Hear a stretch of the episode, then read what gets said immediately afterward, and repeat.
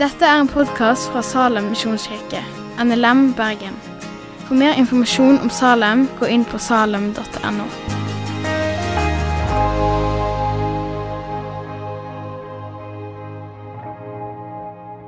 Hallo, alle sammen. I dag så hadde jeg lyst til å si velkommen hjem til Salem. Velkommen tilbake, enten du var her forrige søndag, før sommeren, om det er et år siden du har vært her, to år siden kanskje, eller kanskje her for første gang. Så har jeg lyst til å ønske deg velkommen, og kanskje velkommen hjem til Salem. For meg så er dette mitt åndelige hjem, i hvert fall, og for mange andre så er det det. Jeg heter som sagt eh, Paul Reder Rodé. Jeg eh, er med i styret her i Salem. Og sånn som Kristi nevnte, så skal vi begynne med en ny taleserie om visjonen vår. Vinne, bevare, utruste og sende til Guds ære. Og I dag så var temaet 'Tapt og vunnet', fra visjonen om å vinne, og teksten i Lukas 15. Og I Lukas 15 så forteller Jesus tre lignelser om det å være tapt og vunnet. Han forteller om en tapt sau, om en tapt sølvpenge og om den tapte sønnen som Kristin leste til oss Eh, for en åpning. Og Han forteller disse i en sammenheng. Og Jeg skal ta og begynne å lese den første, om sauen, i eh, vers 1-7 i kapittel 15. Alle tollere og syndere holdt seg nær til ham for å høre ham. Og både fariseerne og de skriftlærde knurret og sa:" Denne mann tar imot syndere og eter sammen med dem. Da fortalte han denne lignelsen til dem. Om noen av dere har 100 sauer og mister én av dem, vil han da ikke forlate de 99 i ødemarken og gå av sted og lete etter den som har kommet bort, til han finner den? Og når han har funnet den, legger han den på sine skuldre og gleder seg. Når han kommer hjem, ber han sammen venner og naboer og sier, 'Gled dere med meg, for jeg har funnet igjen sauen som jeg hadde mistet.' Jeg sier dere, slik skal det være større glede i himmelen over én synder som omvender seg, enn over 99 rettferdige som ikke trenger til omvendelse.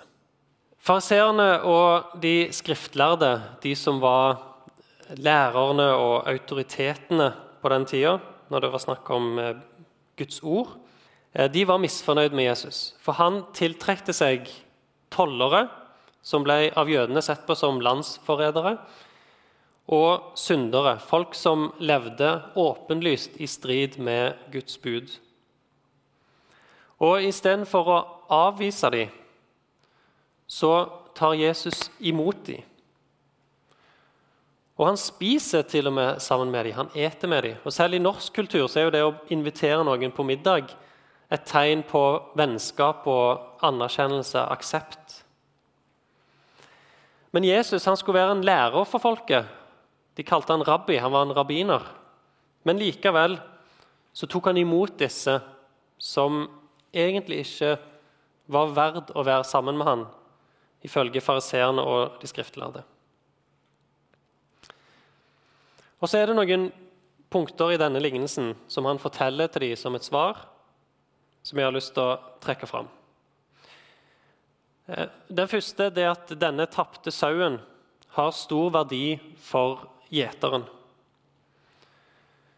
Men sett i lys av den totale budskapen hans så er det ikke snakk om stor materiell verdi. Én av hundre det er 1% Så han mista 1% av sauene sine. Og Sett utenfra hadde ikke det vært sånn veldig mye. Litt svinn, det må han godta. Det er sånt som skjer. Men Jesus snakker ofte om seg sjøl som en gjeter som bryr seg om sauene sine. Den gode hyrde som til og med gir livet sitt for sauene. Så for noen så ville det kanskje ikke vært et stort tap å miste en vilkårlig sau ut ifra de 100. Fordi du sitter jo tross alt igjen med 99% av dem.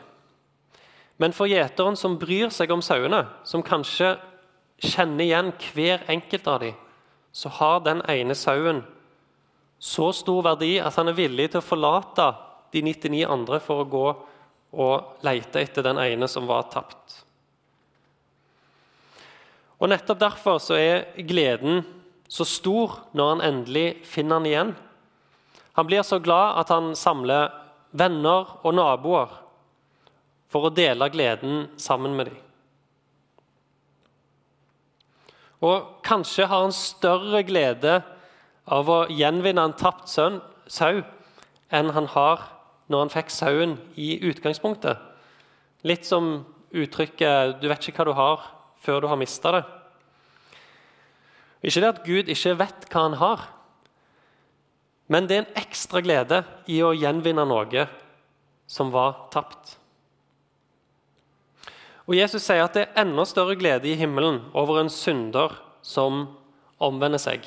Jeg ser det nesten for meg som en tribune i himmelen, der de står og venter, og hver gang en synder vender om, så er det jubel og feiring og like stor glede hver gang. Og så trekker han dette som en kontrast til at det ikke er en sånn glede over de rettferdige som ikke trenger omvendelse. Og Her mener ikke Jesus at de som er rettferdiggjort, ikke trenger omvendelse. For han lærer andre plasser om daglig omvendelse, om det å ta opp sitt kors og følge han. Men fariseerne og de skriftlærde, de som han egentlig gir denne lignelsen til, de tenkte om seg sjøl at de ikke trengte omvendelse. De tenkte om seg sjøl at de var rettferdige. De var selvrettferdige. Men Jesus gir de her det himmelske perspektivet. At det er mye større glede når en synder omvender seg, enn over en person som mener at de har livet sitt så i orden at de ikke lenger trenger omvendelse. Og Så går Jesus over på å fortelle en ny lignelse, som går veldig mye på det samme, om den tapte sølvpengen. Og Vi kan ta og lese den. Den fortsetter i vers 8 til 10. Eller om en kvinne har ti sølvpenger og mister en av dem, tenner hun ikke da et lys og feier huset og leter nøye til hun finner den? Og når hun har funnet den, ber hun sammen venninner og naboer og sier, 'Gled dere med meg, for jeg har funnet igjen sølvpengen som jeg hadde mistet.' På samme måte, sier jeg dere, blir det glede blant Guds engler over én synder som omvender seg. Og Det er jo nesten samme lignelse, men sauen er bytta ut med en sølvpenge. Men den relative verdien av det som er mista, har økt. Før var det én av 100. Nå er det én av ti. Altså har vi mista 10% av pengene sine. Og Sølvmynten her det er en drakme, og det tilsvarer ca. en dagslønn på den tida. Så her var det snakk om ei som hadde en formue på ti dagslønner og mista én av de dagslønnene. Så i absolutt verdi så er det ikke snakk om store beløp.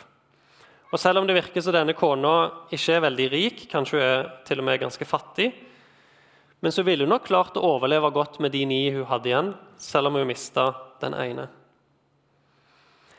Men for henne så er likevel denne mynten av så stor verdi at hun tenner på lys og feier og ransaker hele huset fram til hun finner den mynten som var tapt. Og Kanskje betyr han mye for hun, for hun har jobba hardt for å tjene han. Kanskje har hun spart han for en spesiell anledning. Kanskje hun har fått han i gave av noen som gjør at han betyr mye for henne. I hvert fall så har det stor verdi for henne, selv om det objektivt sett ikke er en veldig verdifull ting. Og når jeg leste denne teksten, så kom jeg på noe tilsvarende som skjedde med meg for et par år siden. Eh, for når jeg fullførte videregående, så fikk jeg et eh, gullarmbånd av eh, bestefar min. Og det gikk jeg med alltid. Men så var det en dag, det var faktisk under et styremøte her i Salem, der jeg plutselig merka at det var vekke. Og du fikk litt sånn den sjokk. Hvor kan jeg ha mista det? Og tenkte nøye igjennom hvor var siste gang jeg husker å ha det på meg. Og det var dagen før, når jeg hadde klipt hekken. Da husker jeg det var litt, litt stress når jeg skulle ta på hansken. Og Da var det rett hjem og leita gjennom hele hekken, underhekken, overalt. Men jeg fant ingenting. Og Så kom jeg på at det hadde jo blitt ganske seint dagen før. Og Jeg husker at det hadde lugga litt i armen. Og På slutten så var det så mørkt at jeg hadde gått med hodelykt for å klare å se. Og Hvis jeg har mista det, så har jeg sannsynligvis rakt det opp sammen med alle bladene og hevet det med meg og kasta det på komposthaugen. Og Vi har en felles komposthaug i nabolaget inni en skog. og Jeg gikk bort for å sjekke, men da var det allerede mange naboer som hadde hevet sin kompost opp på min igjen. Og Jeg gravde en stund, men ga veldig fort opp og tenkte nei, dette, dette er forgjeves, det er tapt. Men så har jeg en svigermor som ikke ville akseptere at eh, vi ga opp så fort. Så hun tok med seg eh, kona mi, og de gikk ut og begynte å grave. Og de gikk faktisk to ganger. For første gang så gravde de feil komposthaug. Men det var varmt, og det var begynt å kompostere og det begynte å lukte. Men de sto i timevis og løfta hvert eneste blad og hver eneste grein og saumfarte denne haugen. Og til slutt så løfter de opp en grein, og det henger armbåndet på en av greinene. Så når de kom tilbake møkkete og skitne og sa de hadde funnet armbåndet, så var det så vidt jeg trodde på dem. For jeg hadde allerede begynt sorgprosess og var akseptert at dette var mista. Men det var en så stor glede at de neste dagene så måtte de fortelle hvem som helst de møtte, om dette her utrolige armbåndet som jeg hadde funnet igjen. Og det er jo ikke noe jeg vanligvis gikk rundt og fortalte folk om. dette armbåndet mitt. Men fordi det var mista, så var gleden så mye større ved å få det igjen at jeg måtte dele den gleden med andre. Og Det er jo egentlig en litt sånn banal ting å bry seg så mye om. Det er ikke snakk om store verdier. Men det er litt tilsvarende sauen og gullmynten. At selv vi mennesker kan bry oss om ting som egentlig ikke er så veldig viktige kanskje for andre. Og Jesus bruker disse eksemplene på å hjelpe oss å forstå litt hvordan Gud kan bry seg om syndere. Folk som av andre mennesker kanskje blir sett på som uverdige, ubetydelige, uverdifulle. Men sånn som vi har verdi i ting som betyr mye for oss, så betyr syndere mye for Jesus. De er verdifulle for han. De er hans skaperverk. Skapt i Guds bilde, men falt. Og Selv om de selvrettferdige ikke ser det på den måten, så er det likevel stor glede i himmelen. Og det er glede blant englene hver gang en sånn synder omvender seg og blir vunnet tilbake. Og så er det den siste lignelsen Jesus forteller om den tapte sønnen eller den bortkomne sønn. Og Jeg skal ikke ta og lese den, siden Kristin leste den innledningsvis. Men for å nevne dette med verdien, så har det her økt betraktelig. Nå er det snakk om halve arven til faren og én av to sønner som er tapt. Så uansett hvem det er snakk om, så ville dette vært store verdier. Og så er det noen flere forskjeller mellom denne lignelsen og de to andre. En av dem er at faren vinner tilbake mindre enn det han tapte. Han tapte halve arven sin, eller halve formuen, og han tapte sønnen. Men han vant bare tilbake sønnen, og i dårligere stand enn det han mista. Men likevel så legger ikke det en demper på gleden til faren. Han løper sønnen i møte og tar imot han med åpne armer. Og han arrangerer en stor fest for å feire at sønnen som var tapt, er kommet hjem igjen. Det viktigste ble vunnet. Og sånn tar Gud imot oss òg. Enten det er for første gang eller for tusende gang. Og hvis du er her og føler deg litt bortkommen på en eller annen måte. Enten om det er fordi du har vært borte fra Gud hele livet, eller fordi det er noe som har skjedd nå nylig. Om det er konkret synd, eller kanskje generelt livet og prioriteringene dine. Om det at du har tatt bevisst avstand fra Gud eller Bibelen på et eller annet punkt. Eller om du bare sakte har glidd vekk over lengre tid. Uansett hva det måtte være, så må du ikke ordne opp i det før du kan komme tilbake til Gud. Bare kom. Han står og venter med åpne armer. Ikke tenk at du må bli god nok for å komme tilbake. Bare kom. Vend deg vekk fra synden eller hva det måtte være, og vend deg mot Han. Omvend deg til Gud og kom til Han. Og så vil det bli fest i himmelen, selv om det er for tusende gang. Det siste forskjellen jeg vil trekke fram mellom denne lignelsen og de andre, det er den andre sønnen, han som ble igjen hjemme. For han hadde ikke samme innstilling som faren. Han syntes det var urettferdig at broren, som hadde sløst vekk halvparten av arven på umoral, han skulle bli gjort stas på når han kom tilbake. Fordi han hadde jo vært hjemme med faren hele veien og hjulpet han og strevd. Og han hadde jo ikke fått en fest av den grunn.